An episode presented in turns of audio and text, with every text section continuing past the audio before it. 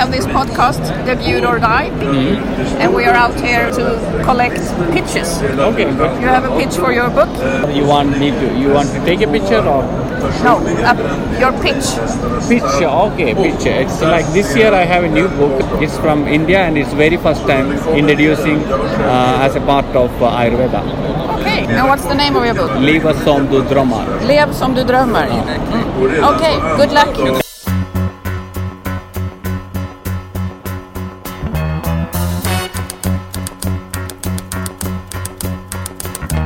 Det är jag som är Nina De är. Och det är jag som är Johanna de Valiant. Och vi tänker debutera. Eller dö. Tumble out of bed and I stumble to the kitchen. Pour myself a cup of ambition and yawn and stretch and try to come to life.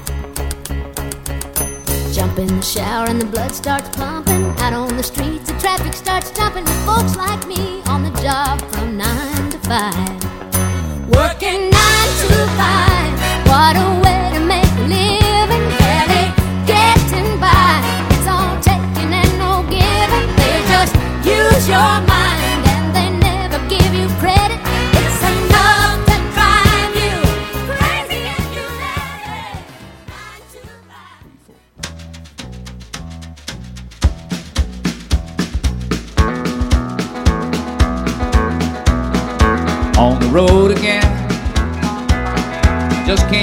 get on the road again.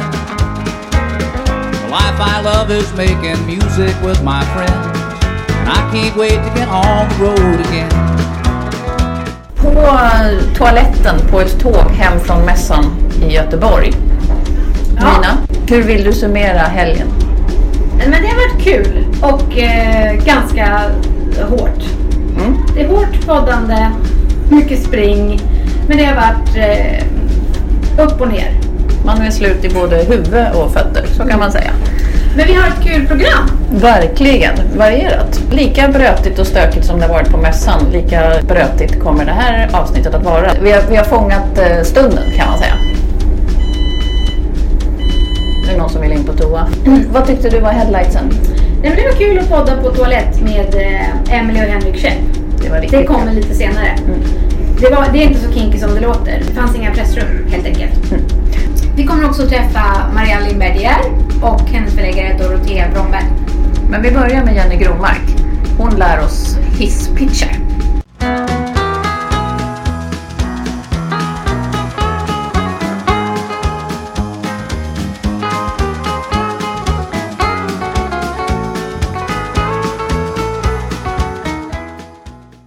Det här är mässan live. Mässan live med Jenny Gromark Wennberg. Hej! Hej! Välkommen till Debutera eller dö. Tack snälla. Du är ju pitch master, pitch perfect. Det är så vi tänker på dig, för att du vann en pitch. Ja, jag, jag vann eh, tidningen Skriva och Storytels stora pitchtävling 2017 och fick chans att göra en synopsis och ett pilotavsnitt till en ljudbokserie. Och den blev av! Ja, den blev av. Eh, Så att nu debuterar jag med Kämpa tjejer. Och det är humor. Ja, det är en komedi. Det är ett, ett, ett roligt ljudboksmanus förhoppningsvis. Ja. Vi har ju aldrig haft tema humor förut. Så det här är lite nytt för oss. Ja. Behöver man vara kul för att skriva humor? Ja, man måste väl eh, liksom skriva någonting som någon skrattar åt och jag har tydligen lyckats med det. Men jag vet inte, det är an, i andras ögon, andra som skrattar, då vet man att man kan skriva humor. Vad Men skrattar man åt då, 2018? jag vet inte, i mitt fall så är det mycket under bältet, det är mycket eh, liksom, eh, ja, mage, maghumor och kroppen och den typen av humor. Skam, eh, skamliga saker som händer. Det kan man garva. Underdog-perspektiv på din kropp. Ja, ja, underdog är ju en, en favorit om man använder sig av humor. Det, det är ett, alltid ett bra perspektiv att ha. Eh, vi gillar ju våra underdogs, både i verkliga livet och de fiktiva. Men vi gör ju en underdog-podd kan man ju säga. Ja. Kan inte du berätta lite om hur du tog dig hit till den här äh, vinsten? Jo, jag, eh, jag skrev, eller jag fick en, eh, den långa historien är att jag, jag fick en skrivarkurs när jag fyllde 40. Då hade inte jag skrivit på 20 år. Jag hade liksom begravt skrivardrömmen helt. Och så fick jag en kurs och började skriva som satan och det var jättekul. Skrev ett helt, en helt eh, roman som sen blev refuserad av alla och jag ville absolut bara dö. Mm. Men eh, Eh, jag tog mig i kragen och började söka kvällskurs i dramaturgi för det var ju ett av de eh, råden jag hade fått att satsa på eh, dramaturgi och kar karaktärsutveckling. Och i och med att jag då lärde mig mer så skrev jag ett ansökningsprov till en, en manusförfattarutbildning som jag ville gå. Kom in på kursen med en, bland annat den här idén till Kämpa tjejer som sen också ledde till vinsten i tidningen Skriva och Storytels tävling.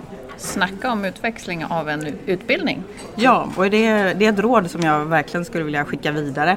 Gå en kurs. Det har varit min väg till eh, att, att debutera faktiskt. Mm.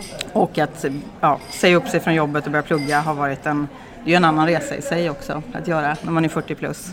Men det har varit skitkul och helt hysteriskt samtidigt. Vad har du framför dig på den här resan nu? Nu har jag faktiskt börjat jobba som manusförfattare. Jag skriver tv-serier, eh, sitter i manusgrupper och sen så utvecklar jag egna tv-serier. Nej men gisses ja. mm. vad mycket man fick ut av en liten kurs. Ja. Och det, liten och liten. Hur många kurser har inte jag gått? jo men jag har ju gått många kurser. Det är inte så att det var liksom bananskal utan jag har ju gått, dels har jag gått hos Sören Bondesson som har varit liksom författar kurs och sen så har det varit då Alma manusutbildning ett och ett halvt år och ett halvår på STDH, Stockholms mm. dramatiska högskola. Vi som inte har gått på de här kurserna, mm. kan du ge oss någon quick fix här? quick fix. Hur blir man bra på uh, pitchar?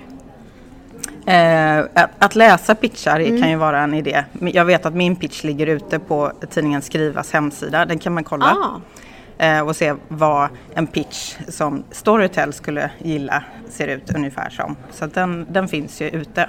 För ditt svar här antyder att man ska anpassa pitchen efter mottagaren? Eh, absolut, men att, men att eh, pitcha en idé till en bok eller till en tv-serie, då, då ska du ju liksom ta ut essensen i vad är din berättelse, vad handlar den om egentligen? Vem är huvudkaraktären? Vad vill huvudkaraktären? Vad är dess, dess resa? Vilka motstånd möter den? Den vill någonting trots någonting.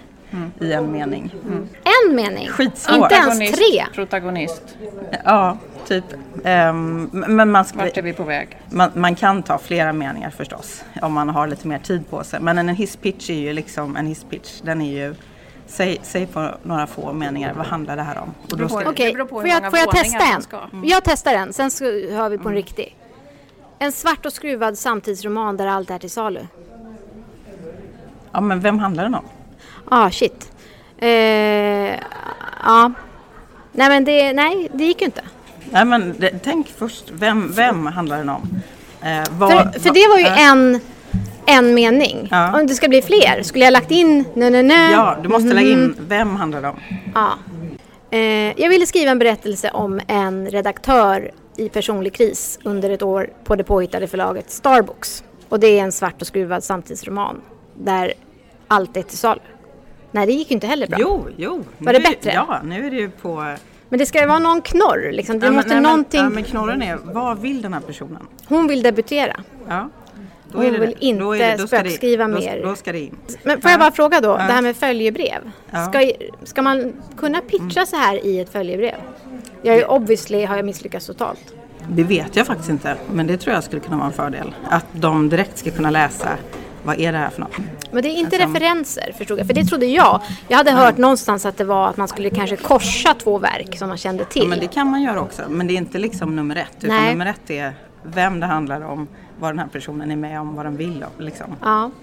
Och, och gärna, gärna vilken, i vilken värld och då har ju du då förlagsvärlden. Ja, så det måste ju in. Miljö måste in, huvudkaraktär, vad den vill. Ska ja, genre in också? Vad, eh, vad den vill trots liksom någonting. Och sen kommer väl mm. genre mm. eh, lite separat. Är det inte separat. snyggare om genre bara framgår? Gör den det då? För jag, jag tänker så här, ja men min domestic noir, då vill man ju mm. säga det. Mm. Kanske. Nej, det var bara en eh, ja. jo, nej, men, nej men rent liksom pitchmässigt om man mm. tänker ur ett tv-serie. Liksom. För är pitchen han mördas en mörk natt, då är det ganska ja. självklart vilken genre vi tillhör. Mm. Men, men jag skulle nog lägga in, det här är en thriller om mm. Sara som vill mörda sin man, men eller så. En nutidshistoria Ja. om. Ja. Fortfarande en mening säger ni. Ja. Inte ens två. Nej. Ja, men ska vi sätta det här ehm, på prov? Ja. Den här um, mästerpitchan här. Vi går och gör det nu.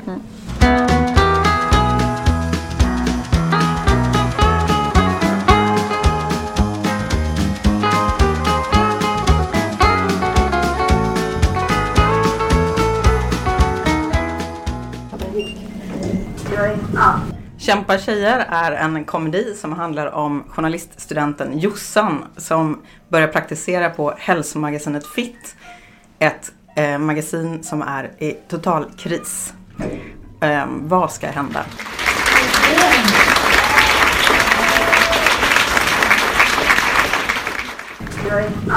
Vi samlar på hisspitchar. Är det någon som har någon? Ja, har ni skrivit någon bok?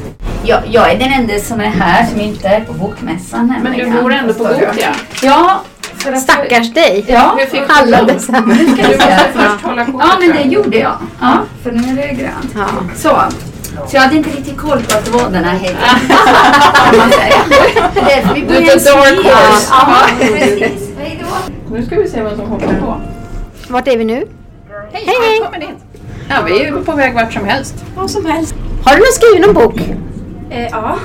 Har du? Ja. Kan du inte hisspitcha den för oss? Alltså vad betyder det? En säljpitch av din bok. Jag var inte beredd på det här nu. Nej, så det, blir det är okej. Är det okej att jag... Det är så vi känner de flesta av oss. Ja. Vi är oftast inte beredda. Är du skrivande person? Ja. Har du en hisspitch för ditt manus? Nej men gud vad roligt, jag har ju hamnat i något sånt där. Och vad ska man göra? Vad ska jag säga då? Vi samlar på hisspitchar. Hej hej! Välkommen in. Tack så mycket. Jag smiter Nästa då. gång, Ja, nästa ja, gång. Ja. Lycka till. Ja. Har någon av er skrivit en bok? Ja, jag har skrivit ett antal böcker.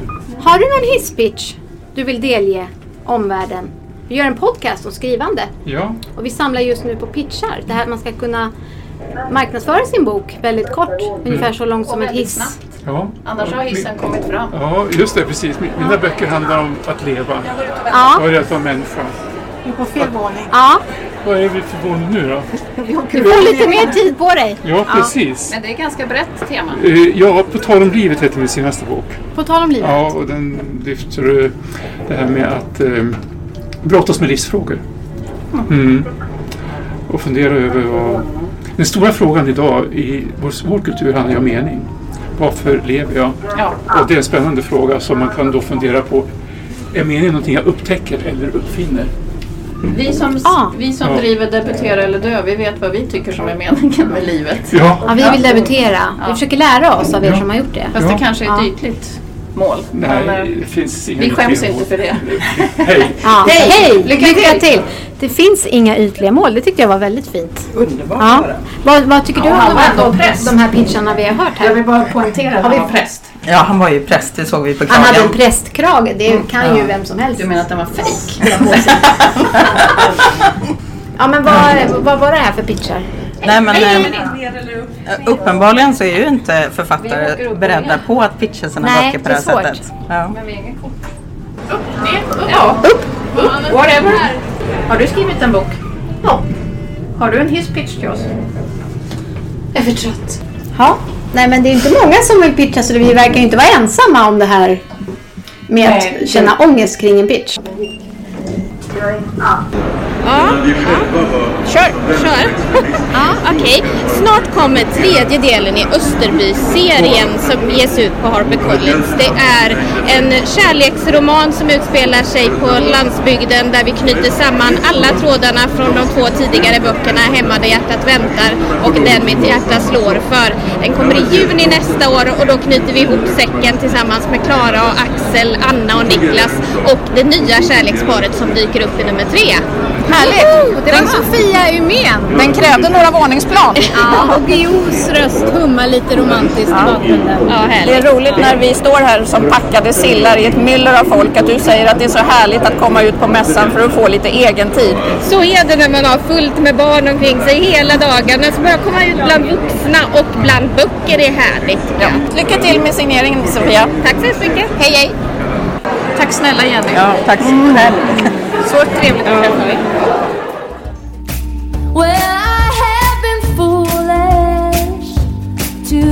Times. Now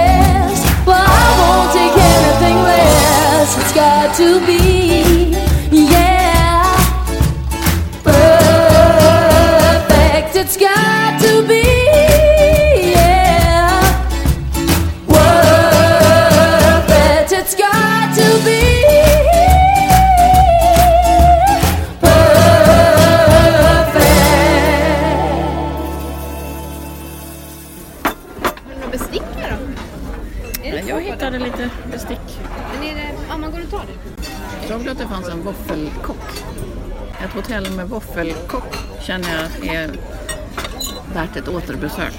Vi har ju ändå avancerat lite Nina, från eh, hamnen förra året till lite mer centralt beläget hotell. Ska vi grunda oss inför dagens upplevelser uppe på mässan. Mm. Jag tyckte det var lite tungt igår. Nu är vi på det igen. Vi hängde inte på i mingel, mingelsvängen. Vi landade på McDonalds. Det blir lätt så. Men vi fick eh, en eh, jättemysig middag tillsammans med en tidigare poddgäst. Ja. Uppe på Heaven 23. Ja. Tack Elin. Delar nya erfarenheter om problemet med att eh, eh, vara utgiven men komma ut med flera böcker är, lika ångestladdat. Så att eh, livet, livet är en ångestfest. Mm, nu snurrar vi vidare. Nu ska vi upp idag och se om vi kan hitta några nya personer att babbla med. Mm. Vi kör!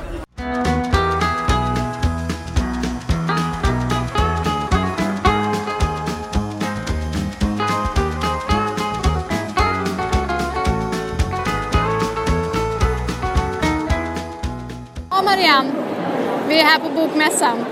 Du har debuterat. Med din andra bok är du här nu, Under belägring. Ja, nu har man debuterat och nu Ja. vill man bara dö. Är det så? Ja, så är det. Det är nya hinder. Det är nya hinder hela vägen. Man ska inte tro liksom att, att det stannar vid det. Och sen vill man skriva bättre och längre och folk har åsikter om vad man tycker och man får ta emot både ris och ros kan jag säga. Och det måste man, det måste man fatta. Att det måste man på något sätt ändå hålla ifrån sig om man vill fortsätta. Annars vågar man inte. Så att man, jag känner bara så här, okej, jag har varit konstnär, jag har fått väldigt mycket dåliga recensioner och väldigt bra. Och när jag visar allt jag har gjort så säger folk, jävlar vad bra hon var. Men det sa de kanske inte när jag höll på. Det kräver mod. Ja, det Och kräver- fortsätta. Och att man håller ifrån sig lite. Jag är inte särskilt modig men alltså man, man, man får hitta på en hobby, sticka eller plocka svamp eller något och hålla inte gräva ner sig i sådana saker för att då, då blir det jättetungt. Och det är många som gör det och det förstår jag att man gör. Att man blir jätte, att man tar det för en sanning om det står att man eh, har gjort på ena eller andra, eller andra sättet som inte passar. Eh, det är bara att fortsätta. Men det är ju inte, det är inte slut med att man debuterar. Utan man dör ju lite då och då. Man dör varje dag. Nej, inte varje dag, men, men då och då Ja. så känner man nej men nu vill jag gömma mig här under en film. Och bara titta på Netflix. Och så ska du skriva en tredje bok. Ja? Jag- men jag vet inte om den kommer nästa. Jag vet inte om jag är så snabb med den. Jag får fundera över hur jag vill gå vidare. Det här var liksom givet men tredje är... Det det är något annat faktiskt med det tredje. Ja. Men grattis och kram. Ja, kram, tack. Den var fin. Den var riktigt fin. Ja, verkligen. Det, det gäller att göra eh, författare glada med att han har läst och tyckt om dem. Och sen behöver de en kram ibland. Ja. Ofta. Tack för att jag fick en kram av dig. Jag behöver också det ibland. Ja, vem behöver inte en Nej. kram här i livet? Men särskilt när man har lämnat ut sig så mycket som man gör, trots allt, helt oavsett om man skriver självbiografiskt eller inte, det är ändå en sån an, enorm intellektuell ansträngning så att eh, när, man, när, den här boken väl finns ute då behöver man bli lite omhändertagen tror jag. Ja. Ja, men det är fint här i Brombergs monter. Tack så mycket. Vi snickar i oss allt vi orkar. Tack snälla. Tusen tack. Hej då, puss puss. Hej hej!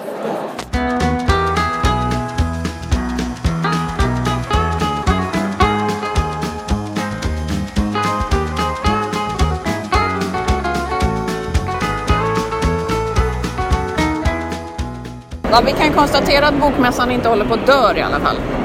Gisses med folk. Jag håller på att dö, jag behöver vin. Bokmässan lever men vi är döende. Det är tredje gången vi sitter här nu och ska käka räkmacka. Vi är mer i räkmackerestaurangen än på mässan nästan. Räkmackepodden. Men vi har gjort lite span där nere. Knökfullt och eh, de eh, stora författarna vi har pratat med. De är nöjda, de har sina programpunkter. De är jätteglada. Jag känner mig fortfarande lite som en groupie och faktiskt kontentan är, jag kanske inte åker med på bokmässan förrän jag har en programpunkt. Jag kan sitta på min kammare och skriva manus. Annars så känner vi att um, det här med att jobba på förlag har jag ju alltid drömt om för att få befinna mig hela tiden, hela dagarna i den här kontexten att Mm. jobba med text. Eh, när man går runt så här på en mässa så kan jag känna att eh, deras yrkesroll verkar utsatt. Alla jagar dem. Alla vill dem något. Mm. Men det är lite olika olika montrar. En del utstrålar mer kärlek. Efter den här mässan så har jag fått en ny förlagsfavorit. Dit ska jag skicka den dagen det är dags. Ja, ja men det är... Jag som då har manus inne, jag tycker faktiskt att det är mest tortyr att gå runt och se de här montrarna och vara den här råttan. Alltså det hade varit bättre att inte krafsa runt på det här sättet. Att gå runt med hjärtat i handen.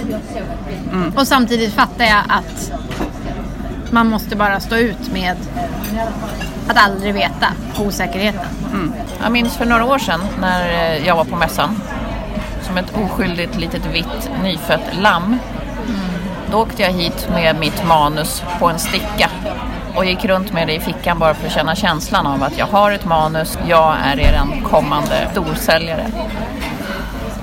Men det är bättre tror jag kanske när man har den här blödande längtan att stanna hemma. kommer räkmackan. Hej! Picklad rödlök, varsågod. Tack snälla. Vad gör vi då? Ta tåget hem Nina. Slicka våra sår. Försöker igen. Mm.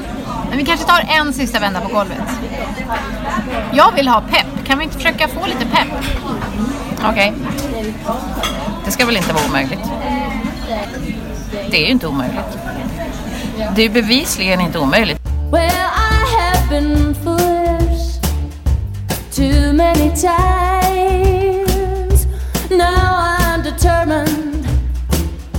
Gonna get it right. Här inne vi ska Jag har hittat, jag har hittat värsta bästa poddlokalen. Oj, jättebra! Kom. Ska du inte med? Jättekul! Det ekar lite. Här står vi på, på en handikapptoalett på, på Gotia Tower. Vi har framgångsmästarna familjen Käpp här. Vi behöver pepp från familjen Käpp. Vi är på mässan. Vi går runt som två underdogs och träffar er, familjen Framgång, känner vi. Men det är såklart, så kanske det inte känns själv. Ni har hållit på i många år. Jag glömmer alltid när vi sågs för första gången i Örebro. Du, Emelie, du lyste som en stjärna redan då i högklackat. Örebro var lite mer så här lufsen tufsen gänget som var där. Men du strålade och du Henrik, du följde med bakom som ett flott entourage redan då. Så ni har hela tiden burit framgångsfanan så högt. Har ni alltid haft den här självsäkerheten i att det här kommer gå bra eller har ni också vacklat och tvivlat? Alla vacklar och tvivlar hela tiden. Det är klart att vi har vacklat och tvivlat många gånger och särskilt de gångerna när man har tänkt att det kanske kommer i alla fall fem på en signering och så kommer det inte ens en. Så det, man har ju tvivlat många gånger men vi har nog alltid jobbat med målet att försöka nå ut till alla läsare och når man bara en så betyder ju det inte bara att man har nått en läsare. För om den läsaren gillar ens bok så betyder det kanske att den personen talar om boken på sin arbetsplats eller med sina vänner och rekommenderar den. Så att en läsare kan betyda inte bara två utan kanske tio nya läsare. Men din roll i det här Henrik, tror du att, att ni två gör det här tillsammans, är det en framgångsfaktor som Ja, men absolut. Det, det tror jag. Det är egentligen vad man än väljer att göra för typ av projekt. Eh, Vi har jobbat tillsammans i 16 år nu och har ju haft andra projekt innan böckerna. Och eh, vi har ju alltid jobbat som ett team egentligen och varit framgångsrika i det vi har tagit oss för.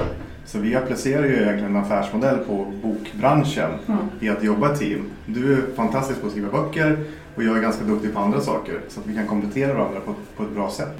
Vi har mycket pratat i vår podd mycket om Tabita.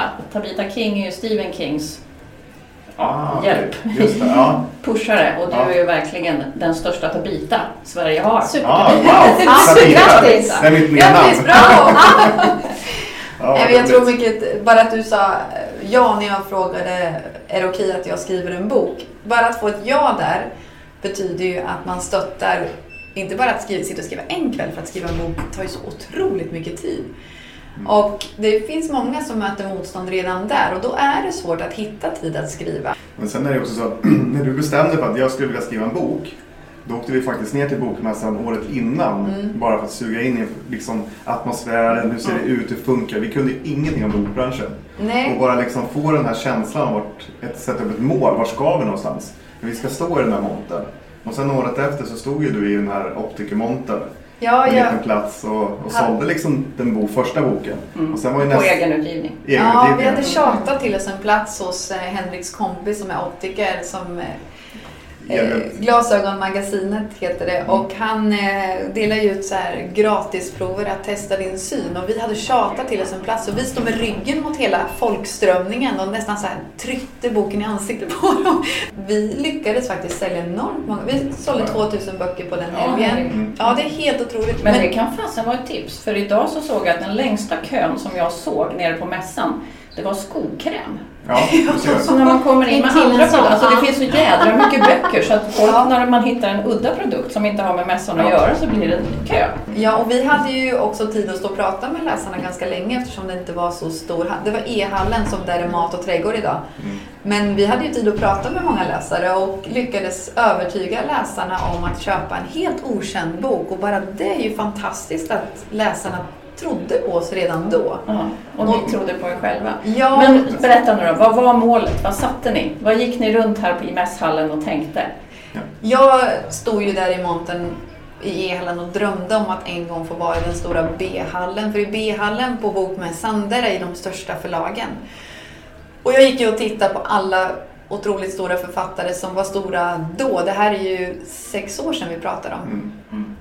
Och att då se Jan Guillou och alla de här stora namnen och stå och tänka att "Nej, men tänk om jag någon gång får stå på den här mässan. Och, och sen året efter så köpte ju Bonnier rättigheterna och sen fick jag ju sitta på den scenen. Och jag kan säga att har man varit med om en resa där man har stått och sålt böcker där ingen har kommit och där man har faktiskt sett ut själv och kämpat från garageuppfarten.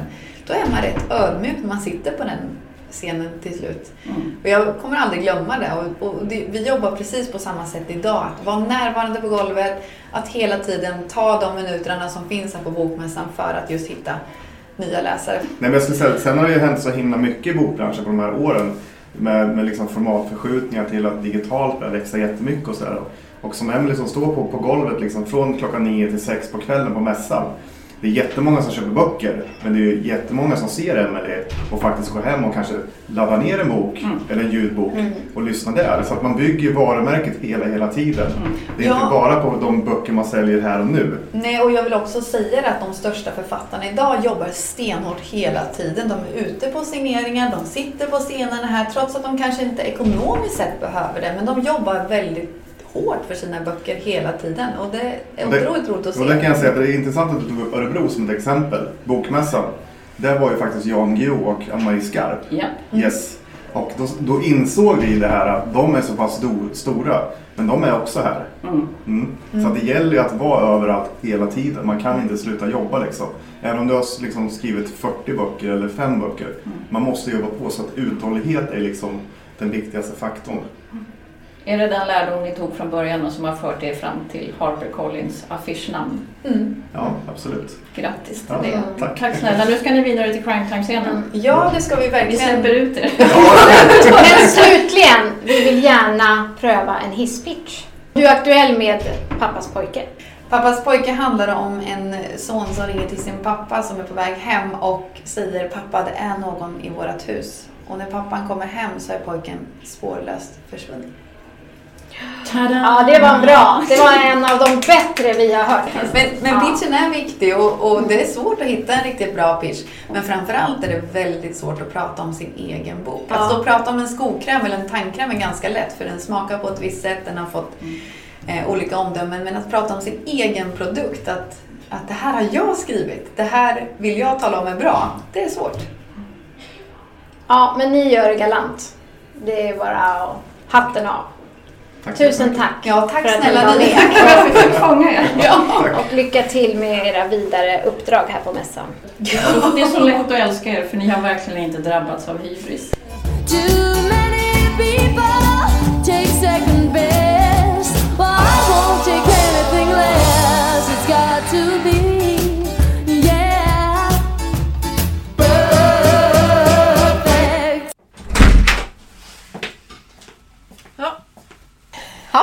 En dag på mässan. Mm, vi är tillbaka på budgetrummet. Det har en säng och en eh, lucka. Man drar ut en lucka där jag ska sova. Det är spännband över en sån här tunn madrass. Ja, en kudde. En fällbar garderob ska du sova i. Mm. Som tur är så har jag med mig egen kudde så att du kan ta Ja, men gud vad bra. kudden. Rummets kudde kan Mm. du ta. Nej, men hur vill du summera? Nu har vi gjort mässan. Det tidigare så smala nålsögat har blivit ännu smalare. Känna någon slags pepp på att här kommer jag och jag behövs och min röst. Alltså det känns ju ganska naivt ibland. Så vad gör vi Nina? Ja, det är en eh, relevant fråga. Vi gör. Det måste vara lust, lustfyllt. Mm. Ja, att man skulle på något sätt göra det. Att man måste göra det. Jag kände ju... Det var så här jätteångest ett tag. Vi var liksom, kom inte in på något coolt ställe, satt på McDonalds. Det var döden, lysrörsbelysning. Men sen så kom vi upp över torget när vi skulle gå mot hotellet. Och då plötsligt såg det ut som i Paris, med alla de här små dammarna och månen och fin belysning. Och, och då så känner man sig, ja vad fan det är inte så jävla dåligt. Liksom åka på en mässa och försöka skriva och träffa alla de här människorna. Man får vara med och träffa kreativa människor som jobbar för en dröm och ett mål. Ja, det, det, är, nog, det är nog väldigt... Ja, det är där man får liksom hänga sig, hänga sig fast. Tack för att jag får vara med Nina. Ja, nej men det var härligt att åka till Paris med dig i Göteborg. Mm. Nästa gång så blir det språk. Ska vi träffa fröken och magistern språklärare. Mm. Mattias Edvardsson. Och Sara Lövestam. Men eh, nu drar vi. Ansiktet utåt. Tuttarna ut och le. Ja, exakt. Thule. Just walking in the rain, getting soaking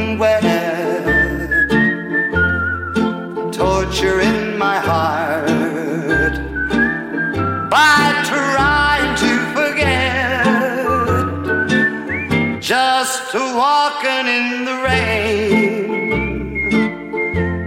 so alone and blue all because my heart still remembers you.